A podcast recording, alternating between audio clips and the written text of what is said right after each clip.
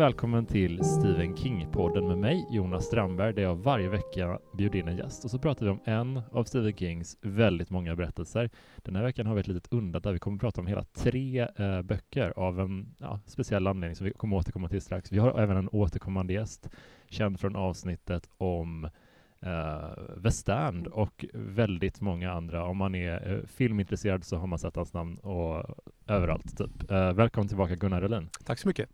Väldigt fint att ha dig här. Och, Tack så mycket. Ja, kul. Kul att vara här. Ja, men jag tänkte på dig precis när jag började ge mig på de här böckerna, att du hade nämnt dem. Och jag minns att du tyckte om dem. Du nämnde något i positiva ordalag. Mm. Så jag bara, det här ser jag fram emot. Du är perfekt gäst. Ja, tack, tack. Vill du berätta lite om ditt uh, första möte med Gwendy? Ja, men det, har ju, det är liksom det, Böckerna är ju utgivna på det här bolaget Cemetery Dance i USA som kille som heter Richard Chismar startade. Och han ger ut väldigt, väldigt mycket Stephen King. Mycket skräck överhuvudtaget och fantasy mycket skräck. Och eh, han har gett ut de här eh, Även om han publicerat från början på andra förlag så har ju han gett, jag har hemma då de här jubileumsutgåvor av It, The Shining, uh, Carrie, uh, Secretary of Dreams och sådär som har ju tjusiga, eh, som har nästan är lite sådär böcker som man ska låta ligga framme istället för så i bokhyllan. Ja, man, vågar, man måste förboka de här va? för oh, ja. att få, ha en chans att få tag i dem. Precis, alltså, men så såg jag, jag, jag har förbokat, gjorde jag förra året, betalade 150 dollar för The Stand som kommer nu någon gång under det kommande året. Men den kan man fortfarande köpa faktiskt. Den kommer jag beställa direkt när vi har slutat podda. Det tycker jag absolut du ska göra. Liksom. Ja. Gud vad kul. men den blir 1300 sidor mm. och också en gigantisk stor bok. Liksom. Det är väldigt, uh, du hade ju med dig två versioner av boken när vi pr pratade om The Stand. Ja, den korta inom citationstecken på drygt 800 mm. sidor och sen den långa maffiga. Mm.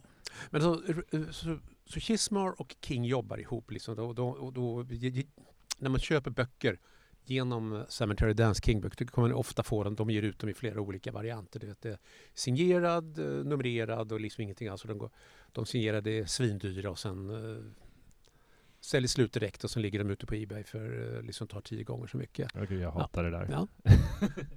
jag sålde några stycken nyligen faktiskt. Du gjorde det? Jag, jag, hade, jag hade så jävla mycket böcker hemma så jag, jag ja, Du måste rensa. Ja. Men, men då Chismar uh, och de jobbar ihop och då skrev för fem år sedan ungefär så kom Gwendys Button Box mm. som var skriven av King och Chismar tillsammans. Mm. Och då klart, då köpte jag den. Alltså. Mm. Det var liksom genom Cemetery Dance då beställde där. Just det. Och sen kom de tvåan för några år sedan och så trean kom förra året. Mm. Och tvåan skriven enbart av Chismar, trean av King och Chismar igen. Ja, jag, jag hade sett de här på typ science fiction-bokhandeln eller någonting, eh, den första och den andra tror jag. Innan du hade nämnt dem. Och då tänkte jag, Gwendy, det låter lite som en Tinebok. Jag kanske mm. inte ska... Bara på namnet mm, hade jag låtit det passera. Ja. Men sen när du äh, tyckte, nämnde det i positiva ordalag tänkte jag, ah, men okej, jag, jag måste det en ärlig chans till en podd om Stephen King, så låt oss. Mm. Uh, för lyssnare som eventuellt inte har läst uh, någon av de här böckerna, vi kommer att prata lite grann om uh, den här serien väldigt eh, löst eh, inledningsvis. Inte spoila för mycket. Inte nej. spoila för mycket. Och sen så kommer vi tydligt markera nu börjar vi spoila och då kommer vi spoila hela serien eh, kan man säga. För vi betraktar de här tre som, som en bok Absolut, jag har sett de finns ju utgivna nu tydligen som en enda bok också. Det, det tycker jag är jätterimligt. Mm. Uh, med en litet, ett litet instick kanske. Vi kan återkomma till det för att den första är som du sa skriven av både Chismar och King. Den andra däremot bara skriven av Chismar Um, märks lite på vissa sätt. det gör det definitivt, definitivt. absolut. Uh, Även om det står liksom då i något förord av King att han har fått in och petat lite i den, ja. men, men ändå. Ja, och den tredje återvände King så att den verkar vara en collaboration igen då, vilket uh, känns bra för att ta mm. det projektet i hamn, känner jag. Men vill du, uh, vem är Gwendy? Gwendy är en kvinna som, eller en, en flicka i första boken som bor självfallet i Castle Rock. Mm. Det, det, bor ju alla. Mm. Och som en dag, och det, det, det kommer till det som jag undrar mycket, liksom där, att hon, en, en dag hon uh, går upp för en trappa i, i uh, utomhus, alltså inte i en lång, lång trappa som folk uh, lite mytomspunnen, någon har tagit livet av sig och sådär. Mm. Och där möter hon en man klädd i svart Mm. som sitter och pratar med henne och som slutar med att han ger henne en magisk låda mm. med ett antal små eh, knappar och spakar och sånt där som kan förändra världen. Och en grej som jag har funderat över här, mm. det är att nu, nu måste jag ta fram boken här och jo, han heter Richard Ferris. Just det. RF, Randall Flagg. Ja. Det där, är, är detta någon variant av Randall Flagg eller är det bara, liksom, råkar de ha samma initialer? Ja, jag tänker att det är Randall Flagg. Jag vet att det finns en inom åtminstone svensk Stephen King-fandom, jag har inte koll på den internationella, men inom svenska då, då är det lite så här i två spår, att antingen är Dark Tower, det är bara Dark Tower-böckerna, eh, resten är bara liksom passusar. Men jag känner verkligen att det är många andra eh, av hans böcker som på riktigt är en del i det multiuniversumet. Ja, men det är ju allt Eyes of the Dragon Allt och hänger ihop. allting är liksom det är inte bara alltså, ett nej. namn liksom. nej. Och jag tänker att det är inte heller en slump med tanke på att han, om jag minns rätt, i slutet av A Stand så uh, nämns uh, han vid ett annat namn också. Gör han det? Kanske, ja, RF, jag Mm. tror det. Jag, jag Ja. för mig det. det var, Mm. ja. Men eh, så ja, jag tror verkligen det är Randall Flagg. Men det är en väldigt annorlunda Ja, Randall är Flagg. här är han ju inte ond. Liksom. Nej. Det, han, här är mera liksom som uh, ska säga, inte snäll, men farbror som ger henne den här boxen. Jag, Ja. jag vill att du tar hand om den här. Ja, snälla. Vårda den. Det är också så himla eh, hemskt att ge det till ett, eh, ett barn. För att som du sa, de här knapparna på den här boxen, de kan göra olika saker. Eh, en del hemskare än andra. Ja, och sen man, om man trycker på vissa sätt så kommer det ut som chokladbitar Mm. som inte är större än en liten, liten minikaramell. Och Mm. äter man dem då förändras ens värld. Man blir glad. Det är som uppåt tjack ungefär. Ja. Liksom då. Så liksom man, blir helt, man blir glad, man blir eu- euforisk. Och, och, och när hon... Ja, nej, nu ska jag inte säga det, spoilar jag. Mm.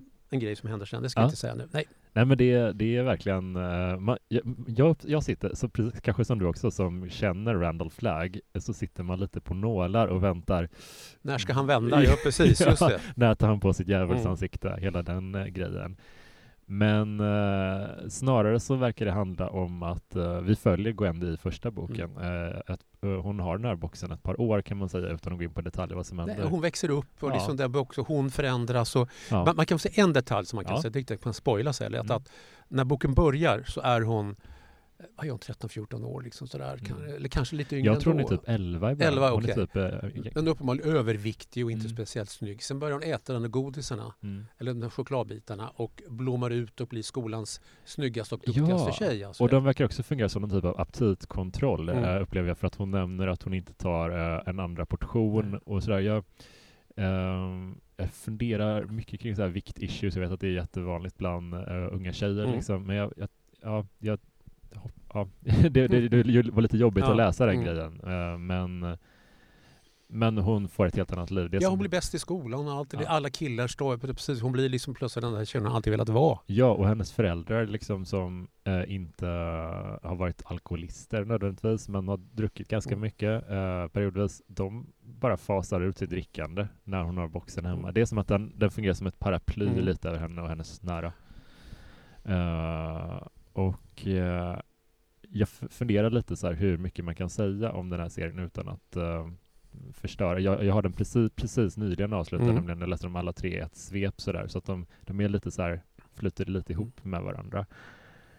Men vi kan säga så här att det finns, eh, med, med den här boxen då, så kommer en instruktion att det finns en knapp på den här boxen som är svart. Ja. Och den får hon absolut all, aldrig trycka på. Den, de instruktionerna kommer inte kring några av de andra reglagen Nej. eller knapparna. Det är bara den svarta, den får du inte röra. Och det finns ju den röda knappen då som kan... Och, där kan, och, det, och det händer ju också att hon, hon trycker på den Mm. och då händer det saker. Mm. som inte hon kanske har... Alltså det kan också vara liksom att det behöver inte vara att det händer. Nej. Det kan ju vara att det, det skulle hänt i alla fall men hon, Ja. Det här hände, jag tänkte på det här, jag tryckte på knappen och så hände det här, var det mitt, mitt fel? Ja, exakt. Jag tänkte också, den här grejen som då händer i samband med att hon trycker på knappen. Mm. Jag tänkte rätt länge på att är det verkligen så att det är har den här boxen några som helst riktiga förmågor eller är det bara liksom ett objekt som ska störa ut liksom, som ett experiment på henne typ? Att, Han har det i slutet av första boken. ja, Det, Ja. Då har den verkligen en effekt. ja, verkligen. Det ska vi inte gå in på. Men, Nej, men jag håller verkligen med. Så att jag tycker om tvetydigheter väldigt mycket, Mm. att man funderar mycket. Vi vet väldigt lite om den här eh, boxen, Mm. vi vet väldigt lite om eh, Richard Ferris, om man nu vill kalla sig det. men eh, vad hans syfte är, vi vet bara att han bett henne förvara den här ett tag tills han kommer tillbaka med Ja, och vi vet inte varför har valt ut henne egentligen heller. Nej. Alltså det är bara ra- helt random då. Liksom någon, Ja, nej men precis. Eh, och, eh, om vi kan prata lite svepande, så här, vad tycker du om det här samarbetet mellan eh, Chismar och King? Liksom? Hur tycker du det har fungerat övergripande? Ja, men det funkar väl. Jag känner ju mera som en Stephen King-roman liksom, och det märker man ju mera när, när man läser tvåan som Chismar har skrivit själv. Mm. Och som, jag, som är den klart sämsta i trilogin. Alltså mm. som, ja, och, och, där, och, där, boxen försvinner lite mer. Det, det, det, det är lite underligt. Hon, hon, hon, hon är senator, hon kommer hem till sin, och det, plötsligt blir hon en del i en se, seriemördarjakt där. Ja, den tyckte jag kom så... Varför jag tycker inte det var helt tydligt varför hon i den andra boken då blir involverad i den här serien. Nej, hon kommer hem och så kommer polisen. Hej, kom och, du är senator, kom och hjälp till. Varför? Du är senator? Ja. Det, det hänger inte ihop. Nej, gör det inte. det, det är väldigt konstigt och eh, då är hon är hemma på julledighet mm. och inte ens då kan hon få slappna för polisen klarar inte av att sköta det Nej. som de är satta för. Um, nej, jag håller med. Jag tycker tvåan eh, saknar en om man, om man kan säga att ettan och trean, de har liksom ändå en löpande story mm. arc som en båge som löper igenom och eh, en, båda har tillfredsställande liksom, berättelser. Liksom. Mm. Men den andra är som att den det, det den är inte jättedålig tycker jag inte. Jag tycker det finns liksom mycket, mycket för, han har förvaltat mycket från den första och liksom gör vad han kan ensam, ja. Chismar. Men den tredje, det är liksom inte samma trean känns som en hel bok. Mm, Tvåan känns som ett, verkligen ett mellankapitel bara. Trean känns också som det, det är den tjockaste av dem. Liksom den, ja. Vad är den första? Eller bara 130? 160 sidor tror jag den första är. Ja, jag tycker det är så konstigt för att eh, om, man, om man betraktar den här som en enda bok, de här tre, eh, då känner jag att ettan är en sån, ett sån, en sån fantastisk början på resan mm. och trean är en, ett väldigt, väldigt eh, ja, men, jag tycker väldigt mycket om mm. trean som, som ett sista kapitel mm. i den här berättelsen om Gwendy. Men den andra är jag vet inte. Vad har vi att säga om den andra? Nej, men jag tycker liksom, det, måste, det, är en, det, det, är en seriemördarjakt som också försvinner lite grann. Liksom. Ja. Det handlar väldigt mycket om hur hon kommer hem och folk ska liksom tycka att det kommer med, liksom, eh, gamla, kommer här det var märkvärdig du som är senator. Mm. Fast hon inte försöker vara det alls. Liksom, då. Att, att, och sen som du sa att hon plötsligt bara för att hon är senator så ska hon hjälpa till med... menar, hon får gå bi när det är polisspärrar och sådär. Kom in, kom in, kom ja. in. menar, det... Jag tolkar det som när, när de eh, trevade till henne för, för lite hjälp, då tänkte jag okej, okay, hon kan, kan dra lite trådar mm. för att få lite resurser mm. från Washington. Eller jag vet inte hur sånt funkar, men kanske det. Men hon själv personligen. Nej, precis. De, men, de, liksom, de ringer, du måste komma, det, här, det, har, en ny, det har varit en ny kidnappning. Oj då! Så det, menar, det är precis som en... Det är så obegripligt. Ja, det är verkligen obegripligt. Men det finns, det finns en grej i den andra som faktiskt um, betalar sig bättre i trean, känner jag, för att den planteringen i and den andra boken gör att när det dyker upp i tredje så känner jag, ah, okej, okay, det här känns bra. Uh, eller mm. två grejer, liksom Gwendys livssituation mm. uh, i tvåan, den målas upp väldigt bra. Uh, och hennes, hennes vuxenliv mm. på något sätt, som hade man inte känt till det så tror jag trean hade varit lite, pff, lite mer, inte samma, Ja, det kan det vara, absolut. Tänker jag, mm. men som enskild bok, sådär. Nej. Men vi kan spoila lite, mm. känner jag, så att om man inte om man inte har läst den här serien um, så tycker jag verkligen man borde göra det. Den är en väldigt uh, easy read om man ska Väldigt easy read och som du säger, men om, om det nu är så som vi tolkar att mm. Ferris är Randall Flagg så mm. hör han ju verkligen hemma i, om man vill, om man vill sätta sig in i hela, de, hela detta universum alltså med, ja. med, med, med Randall Flagg-karaktären. Ja, och uh, jag har lite uh, teorier också som kommer komma nu i spoiler som är kopplade till Dark Tower också. Så att om man, ja, bara så ni vet vad mm. ni kommer fortsätta lyssna på här. Ja. Uh, men, uh, vad ska man säga? Jo, det, vi kan börja med hur den första boken, hur, hur den slutar. Uh, Gwendy har en pojkvän mm. och uh, det finns liksom, har planterats att det är en, en legist i Castle Rock. Ja, som, som har följt under hela uppväxten och som hela tiden försöker tafsa på en och, ja. och som är den verkligen klassiska liksom King-skurken. Liksom, riktigt obehaglig. Ja, men 100 procent. Mm. Och han eh, dyker upp igen i, eh, i slutet då. Uh, och hur, hur, kände du för hans återkomst där? Mot... Ja, men ganska liksom, och det är ju planterat ganska bra i boken också. Där, liksom. De kommer hem, Gwendy och pojkvänner, och de märker inte, tänker inte på att huset är uppbrutet. Det är någonting konstigt liksom sådär. Och sen, mm. så, jag menar, det var tvungen till att han kom, han måste komma tillbaka. Liksom. Mm. Det, men det är ungefär som den här klassiska, att på, på film, visar du upp en gevär i första akten, då måste du använda det innan filmen är slut. Alltså. Det. Det, och det är samma här, han, han, han trappar ju upp den här Mm. obehaglige killen då, så att han måste komma till slut. Och sen, om man får spoila, får man göra det? Ja, absolut. Så slår han ju ihjäl Gwendys pojkvän. Just det. Och Gwendy använder boxen. Och Mm. där kommer, liksom att, där kommer boxen verkligen till användning Ja, för att ta koll på mördaren. ja och hon säger att eh, jag önskar att du ruttnar i helvetet. Mm. Och det hon ser då är att han gör det. Mm, jo, precis. kan man säga. Ja.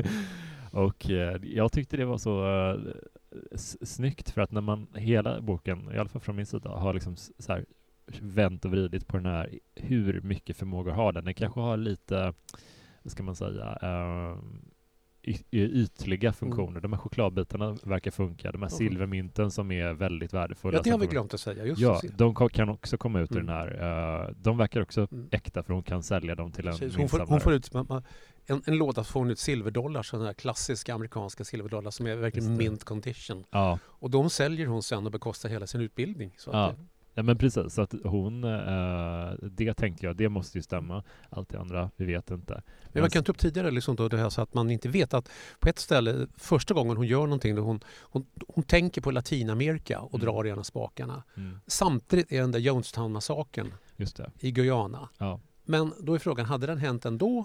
Eller är det Gwendy som orsakar eh, Ja. Jonestown-massakern? Jag, jag tänkte typ att, eh, jag tycker det kan vara roligare ibland att approacha King med uh, inställningen att jag vet ju vad han har för historia Mm. och övernaturligheter, men jag tycker det kan vara roligare för mig som läsare ibland att bara, ja men där är nog, det här är Mm. nog ingenting. Ja. Det här är nog en helt naturlig Mm. ordsförklaring. För även eh, Richard Ferris, han kommer ju, när han besöker Gwendy lite senare, då säger han att det hade antagligen hänt Mm. ändå. Eh, han, det är intressant hur mån eh, Richard är om att hon inte ska känna skuld. mm. Det tycker jag är jätteintressant. Mm. Det är som att han vill bevara hennes eh, mentala hälsa. Att hon inte Mm. ska få förgås av de känslorna. det är inte Randall Flagg det. Nej, det är inte Randall Flagg. Men jag tror, jag har en, eh, en hypotes om honom. Är du bekant med Dark Tower-serien? Jag minns inte riktigt. Jo, jag har läst du är det. det. Ja. För jag känner så här, okej, det här är lite Dark Tower eh, spoilers också kan man säga. Men det, det, det, här är, i, mitt huvud är det här en epilog till Dark Tower-serien. Eh, och jag kommer förklara lite varför Mm, jag tänker det. Eh, för att i Dark Tower så lyckas The Crimson King besegras i Mm. mot slutet.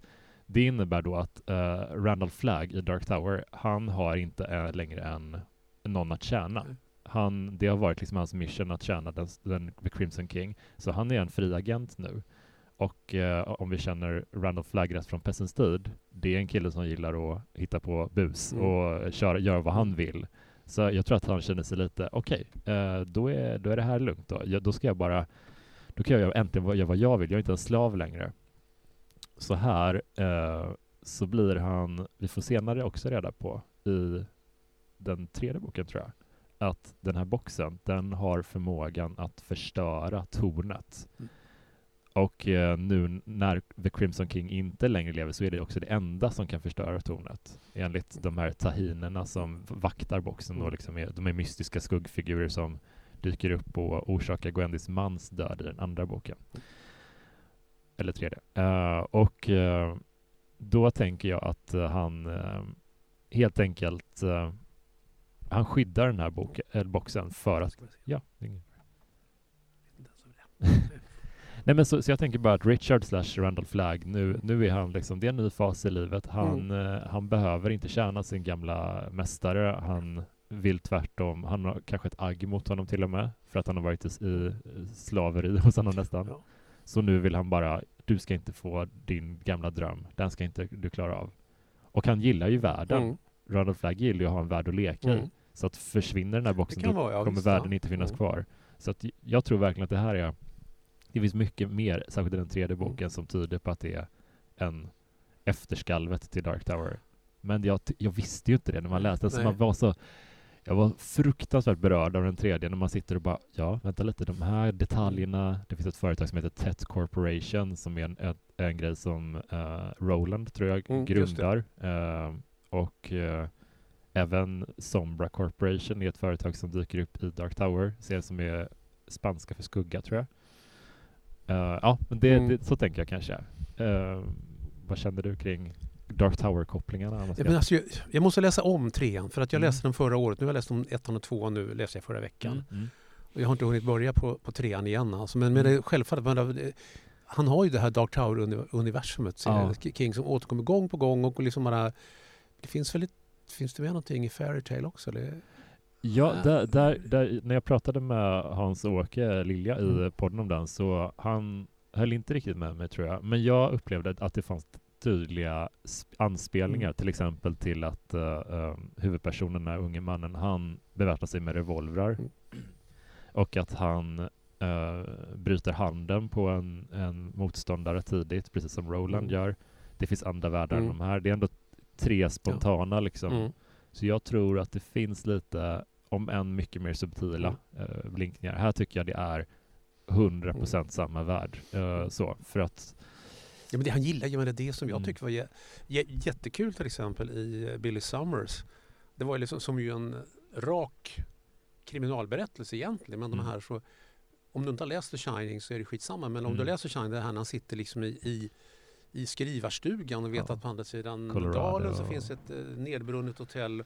Och den här eh, i, i, i skrivarstugan en teckning av de här eh, häckrören, ja. eller häckdjuren, som var det otäckaste tyckte jag när jag läste boken. Ja. Och som här även här återkommer och varje gång kommer in så har de inte rört på sig lite grann. Ja, jag älskar det. det han gillar ju så, älskar ju sånt där. Alltså det. Nej, så, så jag upplever kanske att uh, det finns en, uh, en syn på Kings stora universum inom vissa kretsar av hans fans som är lite att det blir för rörigt om man släpper in allting. Men jag tycker inte det. Så jag tycker verkligen att det, det är någonting han har planterat sedan mm. första början. Typ. Alltså om man läser de tidiga böckerna, det, det kommer in väldigt snabbt de här där trådarna mm. mellan och att det är samma städer och någon, någon karaktär nämns uh, i, från en annan bok mm. och sådär. Så det, det är ju väldigt vanligt. Men här, det kändes väldigt mycket som man ska inte spoila Dark Tower för mycket, men jag, jag kommer triggervarna innan den här också. mm. men, men det finns verkligen en uh, stämning kring den här världen som framförallt dyker upp i den tredje boken. Att uh, ett, ett annat övernaturligt anslag som är större än den här boxen. Det finns de här andra personerna som vill få tag på den och som verkar ha arrangerat Gwendys mans död. De dyker upp mm. liksom mm. och har liksom så här flytande ansikten beskrivs de som att deras ansiktsdrag inte är konstanta yeah. eller så. Det är väldigt obehagligt. Uh, och eh, även eh, Derry till exempel dyker upp i en tredje boken. Som mm. liten, så. Men vi, vi, kan gå in lite på den andra boken. Som du, du var inte lika nöjd med den som de Nej, andra. det är jag inte. Liksom sådär. Men det, Vad det, kände du med den som...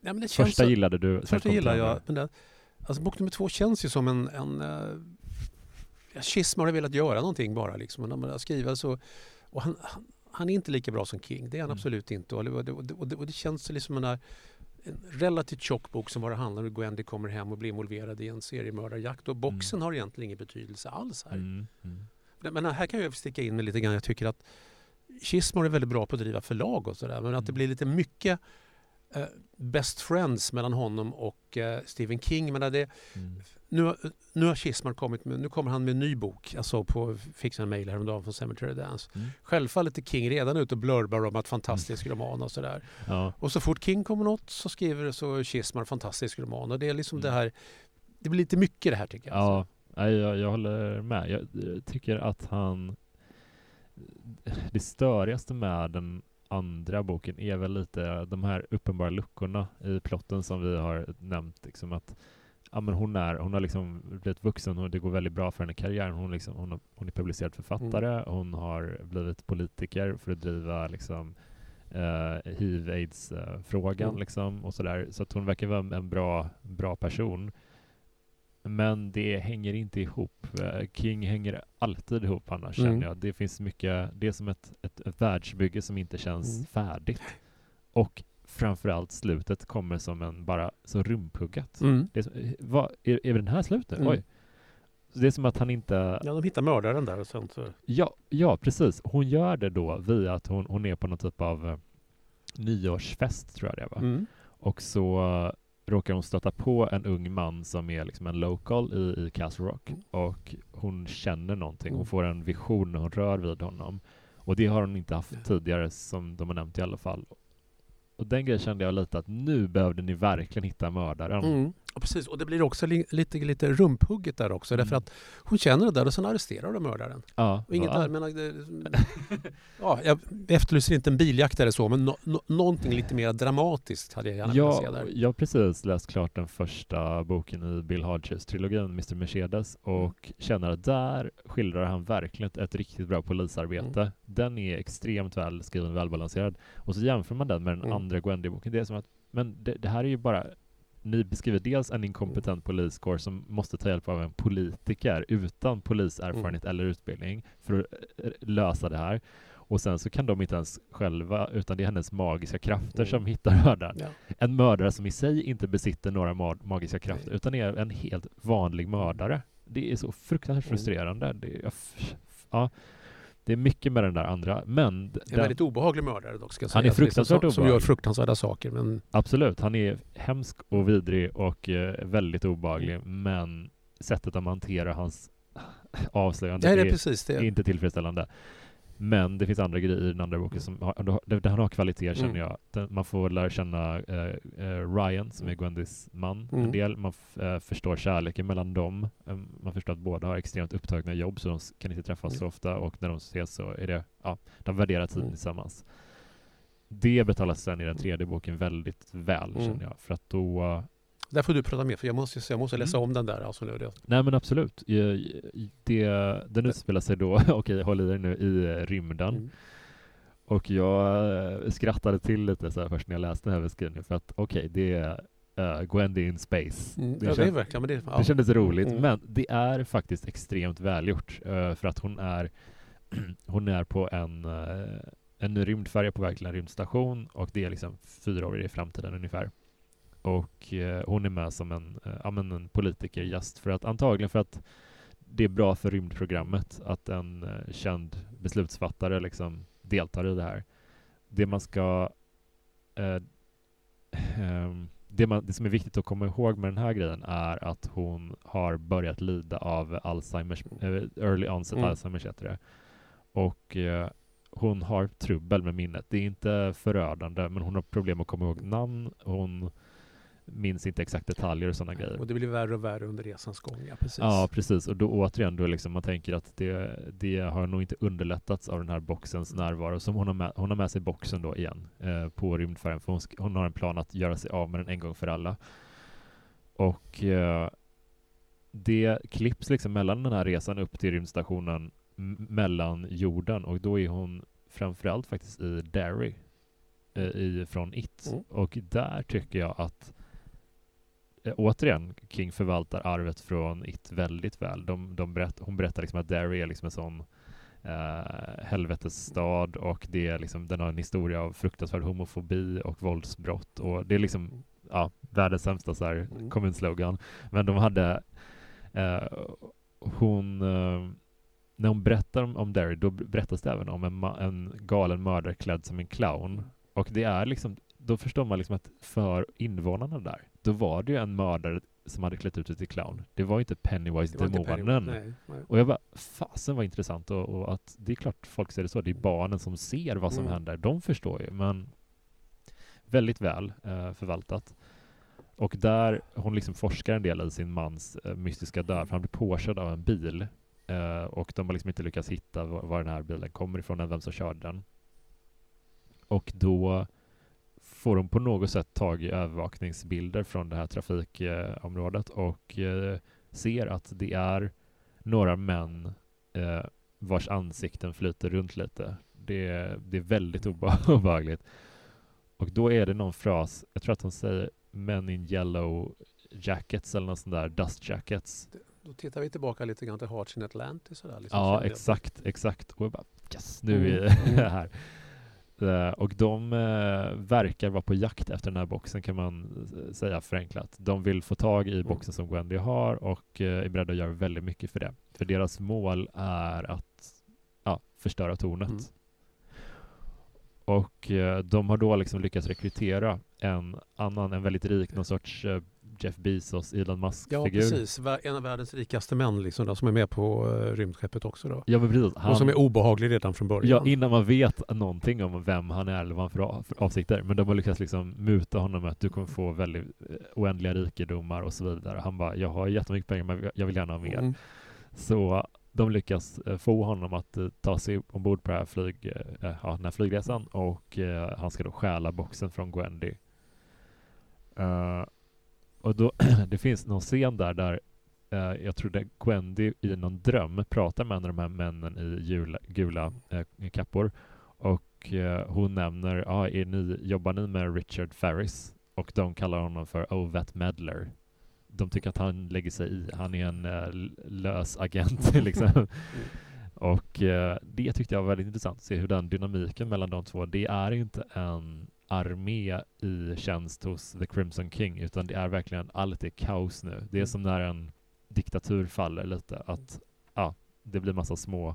Så, så, eh, är det efterspelet till uh, Dark Tower? Ja, ja, men verkligen att det, det är det vi ser, liksom. det är det som, som hände efter Dark Tower, att uh, det finns inte en tydlig ledare, det finns fraktioner som tror på olika, med olika ideologier, precis som det gör liksom. återigen när, när till exempel en, en kommunistdiktatur faller eller liksom en vilken annan typ av, alltså det blir så. Uh, det delas upp, mm. gamla Sovjet och sådär. Um, så kände jag väldigt mycket, det var otroligt väl skildrat hur politiken, om man ska kalla det, bakom uh, fungerar. Uh, väldigt subtilt men ändå så. Men det, jag, jag trodde verkligen skulle avsky, för jag, jag, är en stor fan av uh, Fredag den 13. Mm. Uh, så här, guilty pleasure, mm. men jag tycker att Jason, den här X, där han är i rymden, att den är lite fånig. Mm. Men så jag tänkte, här, det här kommer jag hata. Hon ska vara på en jävla rymdfärja. Men sen så blev det mer och mer intressant mm. för att det här, det är som ett kammarspel. Det är inte så jättemånga som är med, ut, bortsett från personalen på, på färjan. Och, Nej, men jag håller med, jag, jag, jag kan jag har lite svårt att läsa sci-fi. Alltså jag mm. tycker det är kul att se. Mm. Absolut alltså. Men allt från Alien till 2001 eller vad du vill. Sådär. Det, mm. men, men jag, läsa sci-fi böcker har aldrig varit någonting för mig. Alltså. Nej, Nej det, det, det är så svårt och det är så mycket man måste måla upp i huvudet också. Det är väldigt få bekanta miljöer. Ja, ja. så det krävs en annan typ av världsbygge eller vad man ska kalla det. Ja. Uh, en fras som King avskyr tydligen nu. Men uh, i alla fall så det, det, den här rika Elon Musk-figuren, eh, han börjar liksom försöka få tag i boxen och Gwendy börjar ana att vad, vad hans avsikter är. Eh, det kulminerar till slut i att han eh, eh, riktar ett vapen mot henne och säger att nu berättar du vad boxen är, annars så kommer jag liksom jag, den här, den här, det här vapnet jag har, det någon, han har fått det av de här männen i gula kappor, det kommer göra att dina organ smälter inombords. Och det vill hon ju inte. Så uh, hon uh, går med på att berätta vad, vad asken är. Hon har gett det då till en, anfört, liksom en, en, en person hon litar på, på rymdfärjan. En indisk man tror jag, som mm. har hand om, han experimenterar mycket på insekter och sådär. Han kallas för The Bugman. Han har fått gömma den här i sitt laboratorium. Och hon berättar det för den här rika snubben att okej, okay, den är hans labb.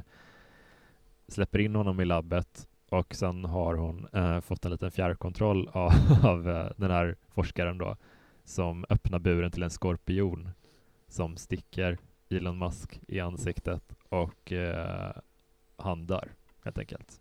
Ja, han blev sprängd i bitar, inte sprängd ja, bitar också. Ja, han, han får den, liksom. tappar liksom fjär, äh, sitt vapen, mm. Gwendy trycker av vapnet mot honom och han ja, sprängs i små bitar. um, Och sen gör mm. hon The Ultimate Sacrifice. Ja, precis. Och det tyckte jag var helt fantastiskt mm. Eh, skildrat. För jag är väldigt stort fan av uh, Interstellar, alltså mm. och den typen av sentimentalitet, man ska mm. kalla det, i rymdfilmer. Jag tycker det är väldigt vackert. Uh, och jag tyckte det, det, var så fint därför att då var hennes ursprungliga plan att de, de har någonting som de kallar för en pocket rocket som kan, ja men en mindre liksom skyttel som de kan skicka iväg med olika grejer i, i rymden. Och då lägger de boxen i den här, knyter fast, fast sig själv till den och sen så glider de bara ut i rymden eh, tills syret tar slut. Mm. Och det är, det är ett fint slut det Väldigt vackert och det är också den här eh, Peter Pan-blinkningen mm. som hon har i slutet, att uh, hon, hon börjar få hallucinationer lite mm. mot slutet. en av hennes sista tankar är uh, Second start to the right and straight on till morning som är det här när Peter Pan ska berätta för Wendy var, hur hittar man till mm. mitt land. Och det tyckte jag var otroligt fint, för det är ingenting som, de har nämnt varför hon heter Gwendy mm. och det är delvis efter Peter mm. Pan-karaktären. Så det blir en fin sagoinramning in, där på något vis. Och uh, så den tycker jag kändes, där, boken hade kunnat sluta med att hon glider iväg i rymden och det hade känts väldigt tillfredsställande mm. känner jag att nu har hon gjort sig av med den här jävla boxen. Hon har liksom stoppat de här, de som vill förstöra tornet och alla världar. Hon har liksom gjort allt hon kan. Det, det hade varit väldigt bra om det slutade där, men då hade hon redan innan hon åkte ut, hon spelat in en video alltså till sin far som bor på ett äh, äldreboende mm. äh, på jorden. Väldigt fint brev, eller måste jag säga, som kommer där. Alltså det. Verkligen. Mm. Och, och då, då jag kunde inte typ, alltså jag blev så fruktansvärt rörd av den här mm. Eh, finalen för att det, vi har liksom lärt känna henne liksom från att hon var en, en liten flicka liksom till genom hennes vuxna mm. liv och alla problem. Alltså boxen är ju inte den är ju viktig, men den är inte central i hennes liv. Mm. På det. Alltså, hon, har, hon lever ju ett vanligt mm. liv också. Och hon, hon blir tonåring, hon blir vuxen, hon ger sig ut i yrkeslivet, hon testar konstnärliga discipliner. Hon, är, hon lever ett, ett rikt liv ändå. Inte så mycket tack vare boxen som jag trodde i början, utan peg på grund av, eller liksom mm. trots... trots Nej, men boxen finns ju där liksom. Ja. Bara, sådär. Den är, som du säger, den är inte någon sån där huvud... Trots att det heter... Ja, men det, det, det kommer inte också till sånt där i andra boken som heter Gwendys Magic Feather. Mm. Den där jäkla fjädern som dyker upp. Liksom. Mm. Den, den dyker bara dyker upp mot slutet av boken. Ja. Och har den någon betydelse? Nej, egentligen inte. Liksom där. Nej, den är typ någon sorts um, amulett. Ja. Uh, den verkar inte ha några speciella... Den, ja, men det är en, en trygghetsgrej ja. bara. Men, men det är ju inte... För det intrycket jag fick, om man ska jämföra hur, hur boxarna porträtteras genom serien, inle, inledningsvis tycker jag att det känns som att hon, uh, hon blir lite dopad av den. Mm. Uh, och sådär. Men sen så ju längre serien fortgår så känner man att den är ju mer en börda. Mm. Så allting hon lyckas åstadkomma, det är ju inte för att hon har boxen utan ja, som sagt trots mm. att den finns där som ett äh, sänke. Typ. Mm. Vissa saker har ju varit positivt med, liksom, men det här med utseendet med hennes föräldrar, mm. inte minst hur de slutade supa och började älska varandra igen. Och ja. sådär, det... Verkligen. Men det var det jag tänkte på Jo, jo så här. Uh, för i slutet av uh, Gwendys Buttonbox, den första boken, då, då kommer Richard Ferris tillbaka och vill plocka åt sig asken igen för att då börjar man förstå att han ska ge, han låter en, en människa ha den under en period. Varför han inte kan hålla den, det, det, är inte helt klart. Nej. Men det intressanta är att om man hoppar mellan första och andra boken, han dyker upp i båda såklart, uh, då ser han exakt likadan ut som han gjorde, mm. trots att det gått typ 20 år i alla fall mellan de två. Han ser precis likadan ut. Han har den här jeans, svarta kläder, svart, svart hatt. Bowlerhatt ungefär, ja. Men i den tredje, när han dyker upp då, då är, har han åldrats betydligt. Han fram, verkar vara sjuk. Uh, så då tänker jag kanske att han har fått ha boxen längre, typ. Att han, att det han, har fått, han, han kan ja, inte Det har påverkat honom då, just det. Ja, att, han, att det, den har haft för många dåliga mm. ägare i rad. Så att med tanke på att av den infon vi får så verkar det inte vara liksom kutym att en ägare får ha den flera gånger. Utan det är ett jätteundantag han gör i den andra. Att okej, okay, ingen människa har lyckats hantera den här. Så att jag måste gå tillbaka till den som gjort det bäst igen. Och då får Gwendy, stackaren, den i den andra mm. boken igen. Så att det verkar vara ett jätteproblem mm. han har, att, att hitta rimliga människor som kan ta den här. Vad skulle du göra om du hade den? jag tror jag skulle trycka ut ganska mycket pengar mm, faktiskt. Mm, mm. Uh, alltså på riktigt, jag tror att det, det är en sån grej som man bara Ja, man kanske borde bry sig om hälsan lite mer ibland. Mm. Men hur skulle du göra? Jag vet inte.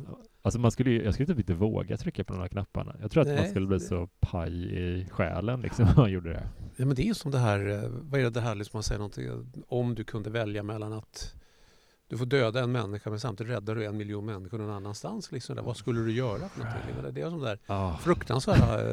oh. Verkligen. Ja. Men, men, frågan är om man hade varit så um, befriad från, eller liksom så motståndskraftig mot nyfikenheten mm. att man hade kunnat låta bli. För jag, jag tänker det bästa är väl kanske egentligen att inte trycka eller fram någonting. Mm. Inte en chokladbit, inte ett mynt. Inte röra den. Nej, men det vet fan, skulle man, skulle man klara skulle det? Man klara jag av tror det? inte det. Man får alltså, aldrig den här möjligheten. Liksom testa lite grann. ja, faktiskt. Uh, nej, det är, det är verkligen en uh, väldigt imponerad av att en tjej som gör den uh, sociala mm, resan hon mm. ändå gör i den första boken hon är dessutom typ i puberteten. Det är mycket så att allt förändras mentalt och sådär. Att hon ändå kan hålla sig ifrån att använda den mer än vad hon gör. Jag tycker det är fruktansvärt imponerande. Men där, är liksom, där, där tänker jag på det här som att det också handlar mycket kring om alltid mm. starka kvinnor. Mm. Som man har skrivit, eh, från, från Carrie och framåt liksom, så mm. handlar det om kvinnor som har huvudrollen väldigt ofta och starka. Mm. Och eh, menar, ja, vi kan ta hur många böcker som helst. Alltså, så. Mm. Ja, hundra procent. Och det är så spännande att se hur Gwendy i alla tidsåldrar, uh, liksom, alla liksom till, uh, ja, perioder i hennes liv, är hon verkligen en tredimensionell uh, mm. person, även i den andra tycker jag. Den, där är inte porträtteringen av Gwendy problemet känner jag, utan det är omständigheterna mm. som, som stör.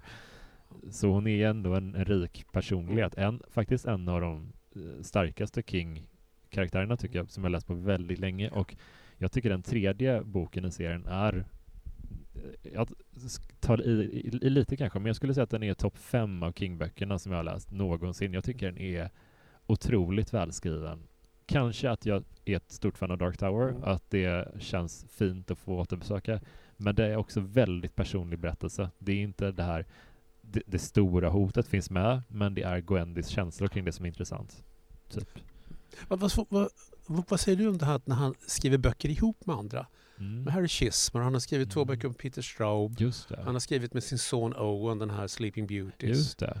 Um, att, uh, ja, men jag tycker nog att han, jag tycker nog om att han tar in folk, liksom särskilt uh, uh, jag, jag, vet att han skrev en av mina andra favoriter, 112263, väldigt mycket med hjälp av Joe tror jag och uh, Tabitha säkert. Så jag tycker nog att det är bra att han, han, ins, han, han vågar släppa in mm. folk. Han är inte så um, protektionistisk kring sina världar och verk utan bara okej, okay, jag litar på mm. dig. Du är en, jag tycker du är en duktig mm. författare också. Vad, vad tycker, har du någon favorit? Ja, men, jag, men, frågan är hur de jobbar. Jag, jag kommer inte ihåg för att jag träffade ju King och Owen när Sleeping Beauty släpptes. Mm. Så jag var i New York och träffade dem. Mm. Och hur de jobbade då. Men de liksom satt och jobbade, skrev lite ihop sådär. Mm. Att, att, för jag, för jag, tänker till exempel på uh, The Talisman, mm. som jag tycker är väldigt bra, som man borde läsa om egentligen. Ja. Men att, för jag tycker Peter Straub kan vara otroligt ojämn. Mm det är inte länge sedan jag läste honom, men uh, han har skrivit några bra böcker, några som är liksom snälla, jag orkar inte liksom. Ja. han, han skrev något som heter Floating Dragon, som var sån där som jag, uh, nej. Jag har, en sån här bok jag har försökt läsa flera gånger, alltså, ja. men, men, men, det tar stopp. Du tar, du tar ändå sats liksom. Ja, jag, jag fixar inte liksom. Så där var väl mera King än, än, än Peter Straub när han skrev The Talis. Men likaså, ja. vad hette uppföljaren? Det var Black The, House. The Black House, ja. Och den funkade också bra. Ja, jag, jag började faktiskt uh, läsa den ganska nyligen och jag tyckte den var så oking på många sätt. Den, den, just att den utspelar sig i New Hampshire tror jag, som Peter Straubs böcker ofta mm. gör. Och sen så var den liksom skriven på ett sånt där som en, uh, ska man säga, som en drönare som flyger över liksom ett antal mm. olika människor och de, den gör massa olika nedslag de första 50 sidorna typ. Att här är de här poliserna, här är de här stackars människorna. Alltså det är verkligen mm. ett svep över samhället. Uh, så, men det är en sti stilistik som man kör med där. Och det, den känns mer, om den första talismanen kändes mer King mm. så tror jag nog att den andra var lite mer Straub, ja. men med, men med liksom uppstagat av King typ. Ja, frågan, så jag känner liksom de här, med Sleeping Beauty som det var om man tog med Owen för att Owen skulle ha någonting att göra ungefär. Mm. Owen, jag menar, Joe Hill kan också ojämn, men några av hans böcker tycker jag är riktigt bra. Den mm. här Nosferatu till exempel. Ja, Hardship Box tyckte jag var cool. Mm. Som, vad heter den där som inte The Fireman. Ja, just det. Horn som skrev också. Ja. Nej, den var lite sådär. Ja. Men, men hur som helst, liksom att, att, eh, att de tog med Owen från Jag vet inte vad det men hur mycket Owen hade med att göra där. Liksom. Det, det, Nej. Jag har faktiskt inte läst Sleeping Beauties. Är den, hur, hur är den? Läsvärd, men inte stor. Nej, nej. Ja, men får ta och kolla in den. Men det, det, det är intressant att när de um, man märker verkligen som du var inne på att de verkar ha en, väldigt god vänskap, uh, Chismore ja. och King. Man tittar på, uh, på författarstorleken på namnen, de är alltid lika stora mm. när de båda förekommer. Det är inte King och Chismar. Nej. Utan det är verkligen så här, båda får ta lika mycket utrymme. Ja, det ser man. Min, min, min pocketutgåva av Carrie, mm. som det är min äldsta King-bok hemma, liksom där står det liksom då då är det Carrie med jättebokstäver, Stephen King med mm. små bokstäver och det är större bok, ja. det, det, är större då, Now a major motion picture from United Artists, ah. är större än namnet by Stephen King där. Oh, gud, det, det skulle aldrig hända igen. Nej, nej, Men eh, på, överlag så tycker jag det är jättefint att eh, King eh, ja, men, relativt sent i sin karriär lyckas liksom skapa en helt ny karaktär, mm. eh, slutföra hennes, liksom, mm, hennes trilogi efter att han dessutom gjort precis samma sak med Mr Mercedes, mm. gör en trilogi där. Och ännu mer, han fortsätter ju med Holly nu. Hon har varit ja. med The Outsider ja. och nu får hon en egen bok också. Han älskar som, ju som, som kommer i september. Så. Det är fantastiskt mm. och jag tycker det är jättekul att han inte bara glider på gamla meriter utan verkligen anstränger sig mm. för att göra något nytt och skapa nya världar och jag tror han saknar Dark Tower-världen som mm. in i helvete. jo, men alltså då, det är ju lite frank. grann, men alltså vi tog Fairytale. Mm. Det, det är inte Dark Tower, men det är en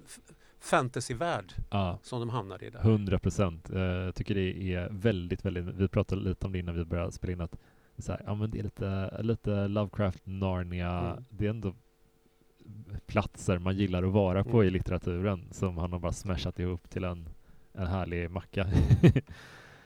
Men okej, okay, vi eh, har ändå liksom täckt dem ganska bra tycker jag. Men de, de, de finns ju inte på, det är konstigt att de inte finns på svenska de här. Jättekonstigt. För att, men annars, numera kommer ju men att de senaste King-böckerna har ju kommit på svenska i princip samtidigt som de kommer i ja. USA. Uh, Fairytale, Albert Bonniers, ja. gjorde liksom en ansträngning verkligen att släppa dem samtidigt mm. och tyckte det var jättebra. Och, och samma tror jag Holly kommer också samtidigt uh, nu. Så att det, här, här har du liksom, den första är fem år gammal och finns det inte ute på svenska. Det är helt sjukt faktiskt. Sex år gammal, 73, eh, eller 17. Ja, ja. Nej, men det är också typ hur de, hur de har liksom behandlat de här böckerna. Alltså de känns när man tittar på den första, den, den är väl, ett väldigt snyggt omslag. Mm.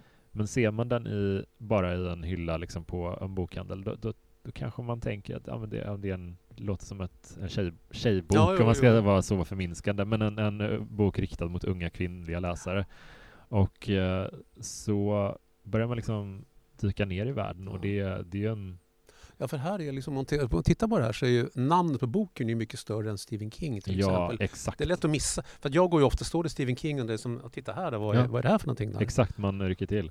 Men det är också intressant hur han inte väljer att uh, skylta med Dark Tower-kopplingen. Jag har en kompis som är väldigt stort Dark Tower-fan, uh, som jag faktiskt spelar in den här uh, i, i den här podden, mm. böckerna om Dark Tower. Mm. Han får med alla de avsnitten. Han hade inte läst de här böckerna och jag var så här, jag vill inte förstöra mm. överraskningen för dig, men du måste mm. verkligen läsa dem. Uh, för att det, du kommer älska det. Jag tror det, det är någonting som jag tycker de stänger nästan den serien på ett bättre mm. sätt än vad den serien själv gjorde, mm. uh, om man ska vara så. Men... Mm. Nej, men det är så, just att liksom, de är rätt okända mm. för att vara Stephen King. Eller? Det, det är jätte, jättekonstigt, men det blir väl lite också när han, in, när han släpper en till två böcker om året mm. så blir ju varje släpp inte samma event som det hade blivit om Även om vi som fans och trogna läsare ger alltid hugger tag i de nya så uh, det är inte samma pang, nu är den här efter fem års tystnad. det skulle han aldrig palla i sig. Men visst känns det skönt det här liksom att han, när han skriver där förorden Dear Constant Reader, vet jag, han, han skriver till mig. Ja, ja, jag kände verkligen så. Och jag, jag skickade, när jag läst klart den sista Gwendy-boken, skickade till, till min tjej bara, jag hade tagit kort på efterordet och bara titta, vad fint.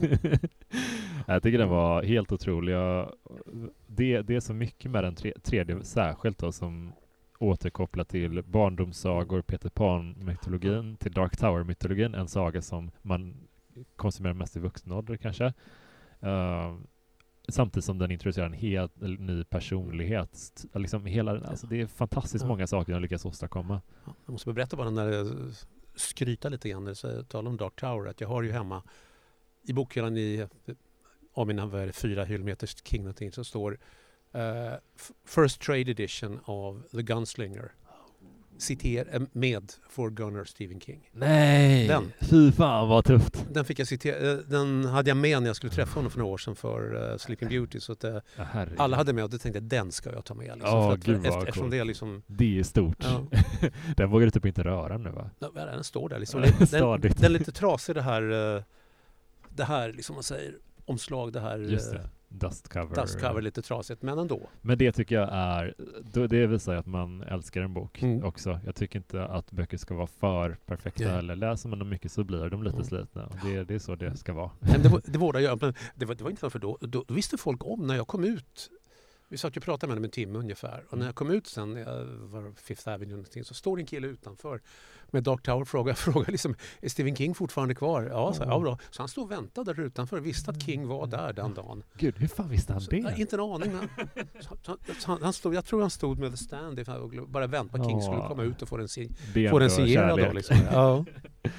Nej, det är otroligt alltså. Det är, det är, det är väldigt fint. Det är väldigt fin fa- fanskara han har tycker jag. Mm. Det, är inte, det är inte en giftig eh, samling människor. Jag tycker, det, det tycker jag är väldigt fint. Det är många Ja. som har en fraktion av fans som är väldigt, ja men lite dryga och sådär. Är de det? Ja, men Ja. Vi, inte, inte Mm. King-fans, men Nej. om man kollar på så här Star Wars-fans, Ja, ja. Marvel eller liksom eh, jag är lite dålig på andra författare och deras eh, krets, men, men det finns alltid en liten giftig del. King-fans är hyggliga människor oftast. Ja, och. King är ju också, så känner jag, ett signum för kvalitet. Men det, Mm. många andra författare jag har upptäckt, jag tycker okej, ibland blurbar han lite för mycket. Liksom men han, Mm. det, var, det var han som gjorde att jag upptäckte Gillian Flynn långt innan Gone Girl. Så att jag, Mm. om det var Dark Places, jag var i London och hade ingenting att läsa. Jag tittade här, ja, rekommenderade Stephen King, då köper jag den. Ja, What's good enough for me ungefär. ja, ja, verkligen. Jag håller just nu på att läsa en 900 sidor tjock bok som heter The Deluge som betyder syndafallet. Ja. Så, som är en eh, ska säga, ekologisk thriller eh, som, som går fram. Varje, varje kapitel är ett nytt år. Och Ja. olika människor. Liksom sådär. Och, eh, och den rekommenderas av Stephen King. Så jag tänkte, Ja. okej, den... eh, Jag gissar epos. Ja, så då beställde jag den och håller på att läsa den nu. Men den tar tid. För alltså, kul. 900 sidor, jävligt liten text. och Rätt komplicerad ibland. Men, Så varje gång man sätter sig, nu ska jag sätta mig och läsa den här boken. Det är mm. Vad kul. Ja, men då har vi lite bra rekommendationer. Jag ska Mm. skriva upp min Goodreads. eh, Så jag, Ja, men den är bra. Delusion. Ko- Kolla, jag kommer inte ihåg vad författaren heter. Men, det- men han, han, han, han är mycket sådär som han rekommenderar som jag tycker är bra. Liksom. Mm. Så det, Mm. sen ibland kan det som sagt bli lite för mycket. Liksom. Så, Ja. Och att han alltid måste tycka Richard Chismore är fantastisk. Men. För det är han inte. nej, nej, det är han kanske inte. Men eh, friends be friends. Mm, just det, det är precis. gulligt. Eh, men alltså, uh, vad fint att du ville komma tillbaka Det var till kul, ja. Det var jättekul att prata Gwendy för Ja. att eh, du kändes som det självklara valet och jag var jätteglad att du, det kändes som att vi båda hade mycket tankar och funderingar kring så det. bland få som har läst den då, liksom sådär, fortfarande. Alltså, här, i Sverige, ja. här i Sverige i alla fall. Så. ja, typ. Men eh, ja, jag får verkligen eh, flagga för folk som inte har läst Dark Tower innan också. Jag får hitta på ett kreativt sätt att göra Ja. det. Men man sa ju det, så där, som att, att, att när jag träffade honom i New York, liksom, pratade om det här med att de starka kvinnorna, man sa, man sa det blir ju så. Min pappa försvann när jag var liten och sen växte jag upp med mamma och ett antal sys, systrar. Så jag är van att ha starka kvinnor omkring och därför har jag alltid skrivit Ja. om starka kvinnor. Det är fantastiskt. Alltså, eh, hans, hans frus har väl systrar också, Mm. väl, tror jag. Och ja, det är, det är fint. Mm. Eh, Det är uppfriskande faktiskt. Ja. Eh, Men Gunnar, vad kan man följa dig? Har du, du, du har ett Twitterkonto? Du Jag har twittrar- Twitterkonto. Ja. Ja. Vad, vad heter du på Twitter? Ditt namn? Mig själv bara. Ja. Mig själv bara. Ja, toppen. at Gunnar Ahlin bara. Sådär. Sweet. Där, där tycker jag man ska hänga med om man vill ha koll på nya filmer, få lite Ja. tips och populärkulturtips helt enkelt. Och hata Eh, Sara Larsson. Ja. Ja, ja det är fan det där. Ja, jag kokar bara Ja. nämner namnet. Men tack så mycket för att du var Ja, med tack så podden. mycket. Tack själv. Och tack för att du lyssnar på den här podden. Uh, hoppa gärna in och diskutera Gwendy-trilogin i eh, Facebookgruppen så hörs vi snart igen. Hej då! thank you